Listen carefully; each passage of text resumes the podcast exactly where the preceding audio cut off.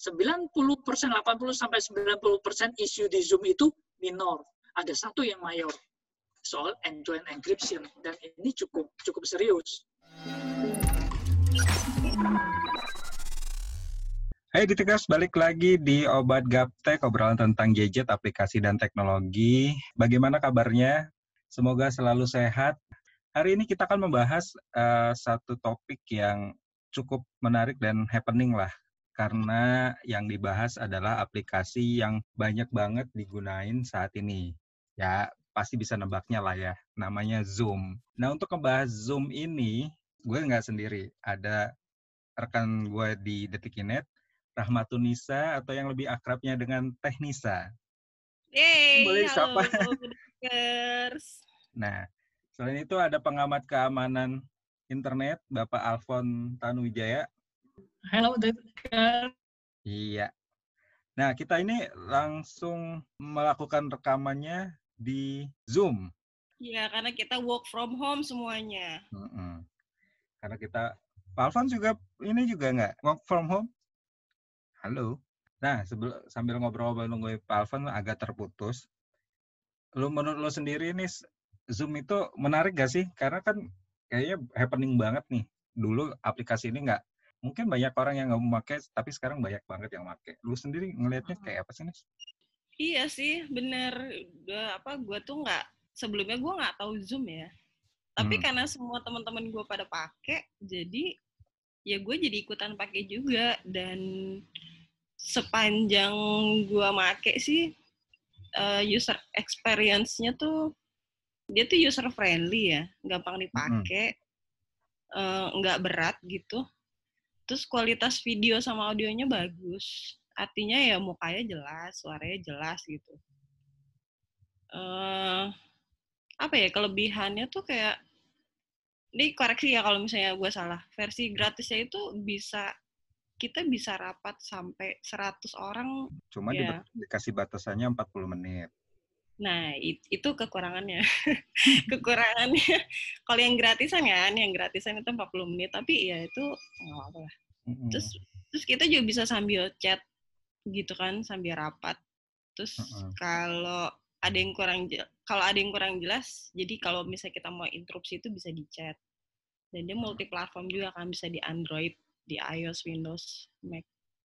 Itu sih paling.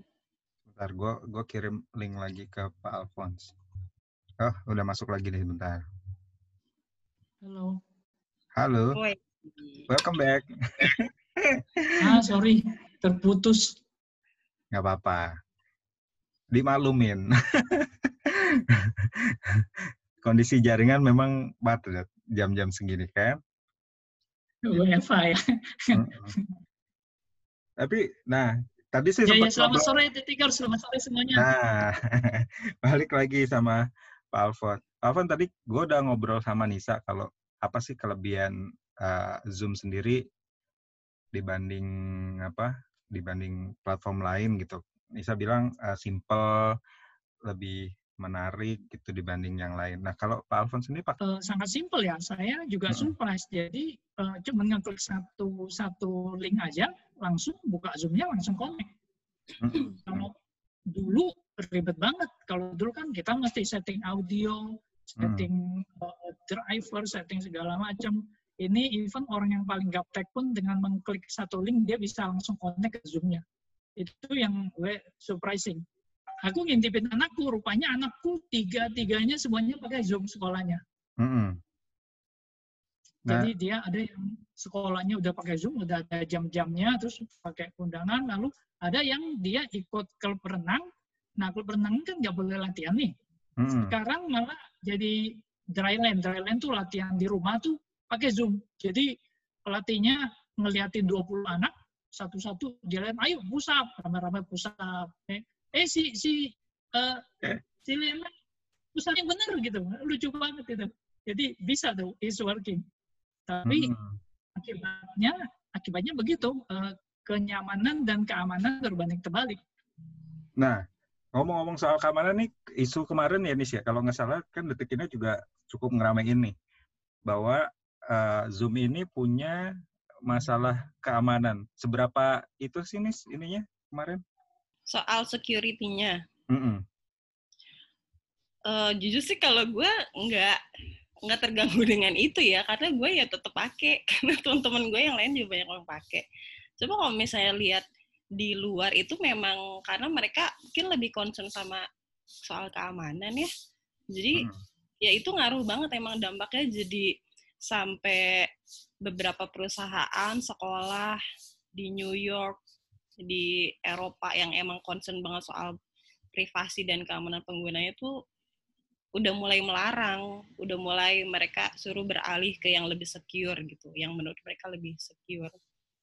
Ya. Sampai sama turun ya. Ya artinya kan itu memang seheboh itu orang-orang me memikirkan dampaknya kalau misalnya ya entah mungkin bisa terjadi kebocoran data atau uh, apa isu keamanan lain. Jadi lu sendiri sebenarnya uh, istilahnya ya ya udahlah nggak apa-apa ya. Kalau gue sih nggak apa-apa.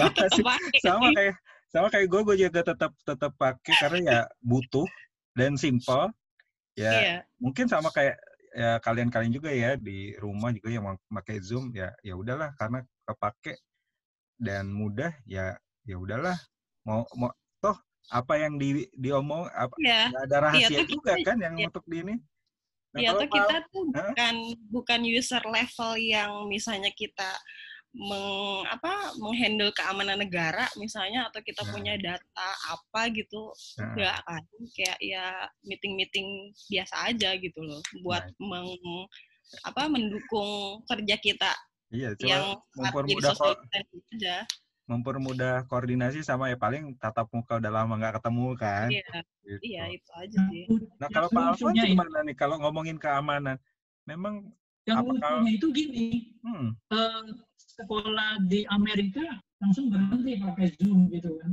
Hmm. Kalau menurut aku sebenarnya ada faktor di belakangnya. Aku curiga. Ini persaingan bisnis, ini bukan masalah security. Hmm. Jadi uh, sekolah itu langsung uh, dia pindah ke Microsoft Teams. Hmm. Saingannya Zoom, ya kan. Dan hmm. uh, dia pindah ke Microsoft Teams, terus habis itu kita ikutin lagi uh, uh, ceritanya uh, langsung setengah mati itu mau connect ke timnya setengah mati hmm. susah baru tahu rasa tuh udah tahu bahwa zoom itu gampang gitu hmm. itu itu yang yang yang pertama jadi menurutku ini persaingan bisnis terus kalau aku lihat ke ini ya ke soal security-nya ada hmm. jujur aja bener poin-poin security itu ada belasan ada belasan masalah security di zoom ya kan? Hmm. Uh, cuman uh, menurut pengamatan dari uh, uh, selama ini dari kita hmm. sebagai praktisi security uh, 80 sampai 90 persen itu adalah masalah security yang minor.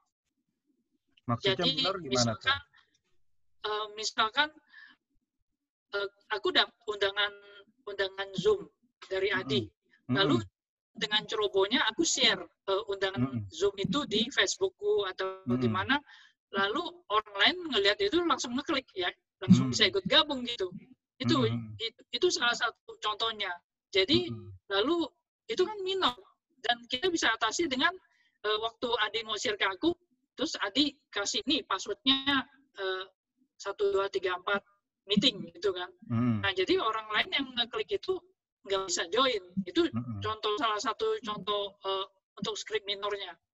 Nah, uh, dan hal positifnya yang gue lihat dari Zoom itu, mereka sangat tanggap. Mm. Jadi hari ini ada masalah, mereka Besok langsung dikejar, ya? langsung langsung beresin. Sampai mm-hmm. dia kan dia langsung conference. Pokoknya dalam tiga bulan terakhir ini, uh, 90 hari ini, kita nggak bakal luncurin fitur baru semua hmm. effort masuk ke security. Oh, kalau aku lihat begitu, lihat ibaratnya lihat uh, uh, calon pacar gitu, langsung kesengsem, langsung jatuh hati. Karena konsennya benar-benar soal keamanan yang yang banyak dikeluhkan ya.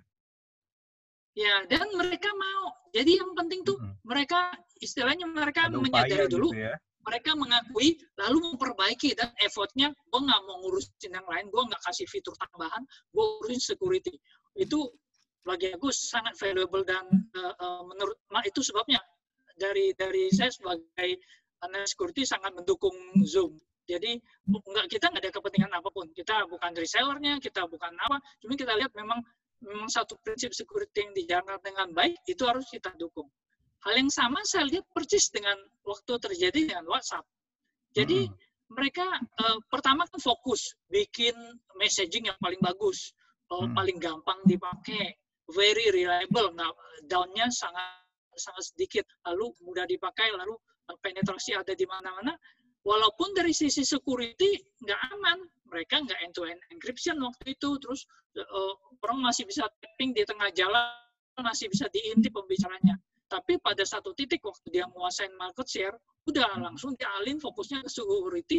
Hari ini dia leading dan end-to-end encryption-nya itu yang menjadi satu satu uh, satu patokan bagi orang bahwa oh security yang baik itu kira-kira seperti ini end-to-end encryption. Nah, hmm. tetapi ada satu hal yang perlu menjadi perhatian.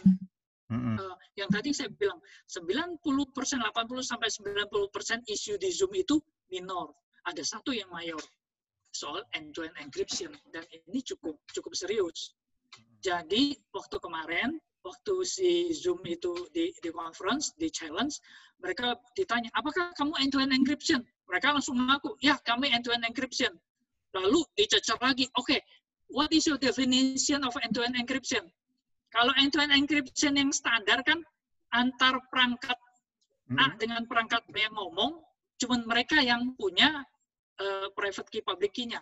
Hmm. Nah, yang jadi masalah definisi end-to-end encryption-nya Zoom ini adalah antara perangkat, perangkat. yang Zoom dengan server Zoom.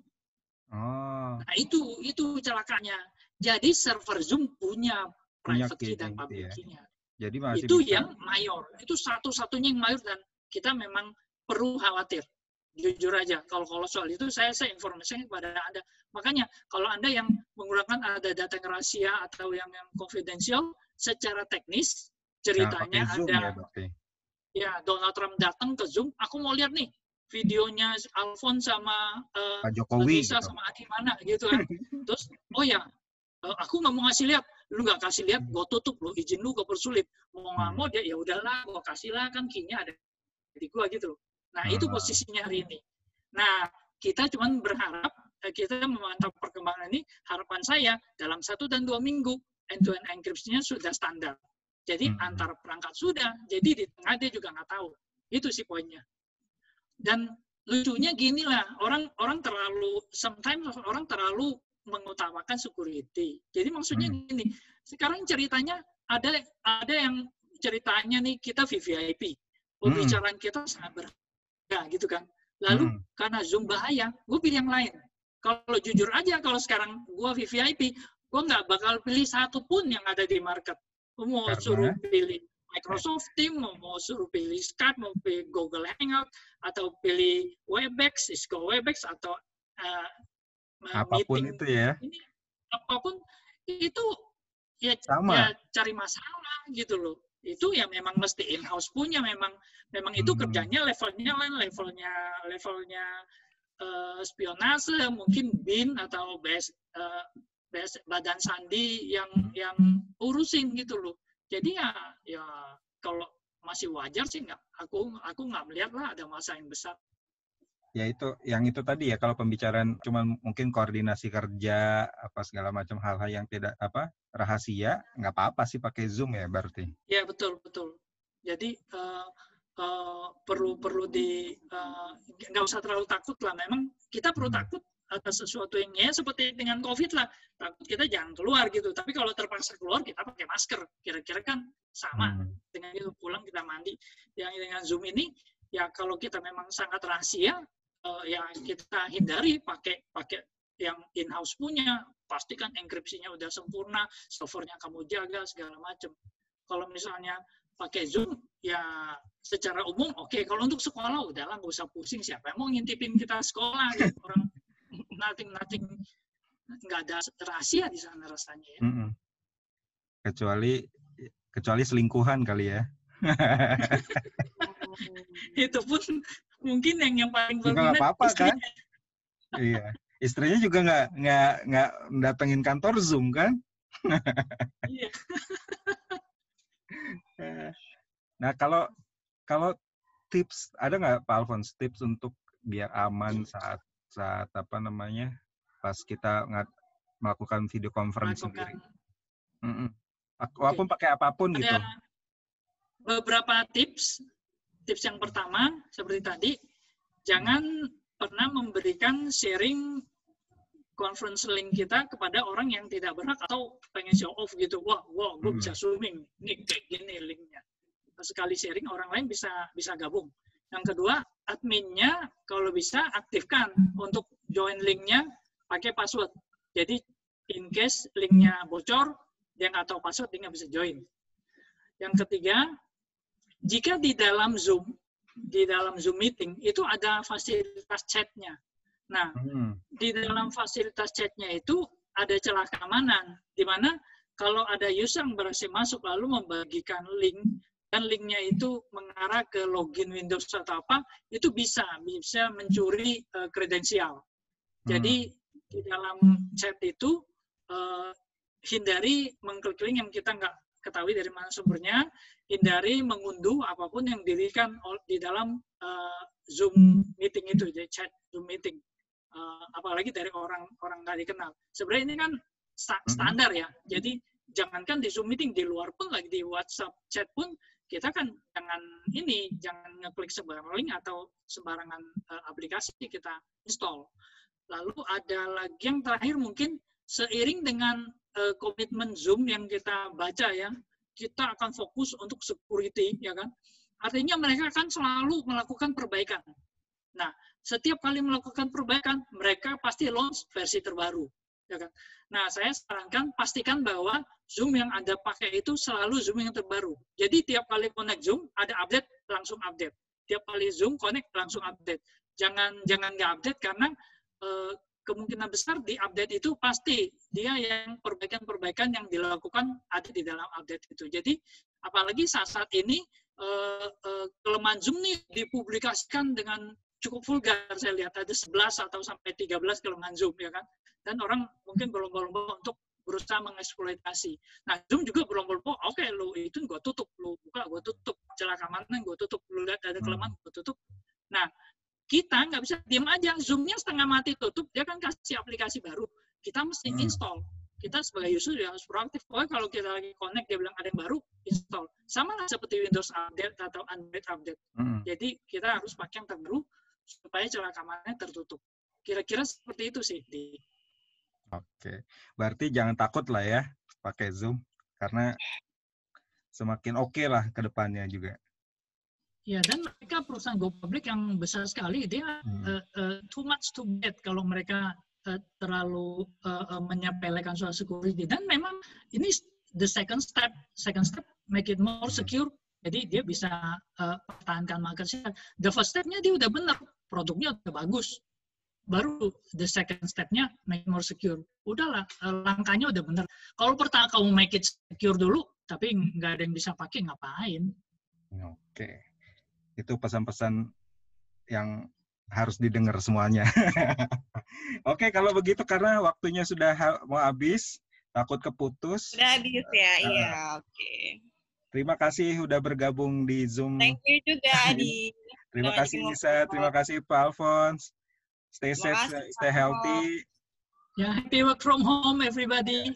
Oke, terima kasih semuanya yang udah mendengarkan. Semoga kita selalu sehat dan ya terjauh dari corona. Terima kasih telah mendengarkan podcast ini dan jangan lupa untuk update terbaru soal teknologi dan sains di Detikinet dan follow juga akun Twitter, Instagram di @detikinet. Gua Adi yang di sana dan terima kasih sampai ketemu. Stay safe and stay healthy. Bye. bye.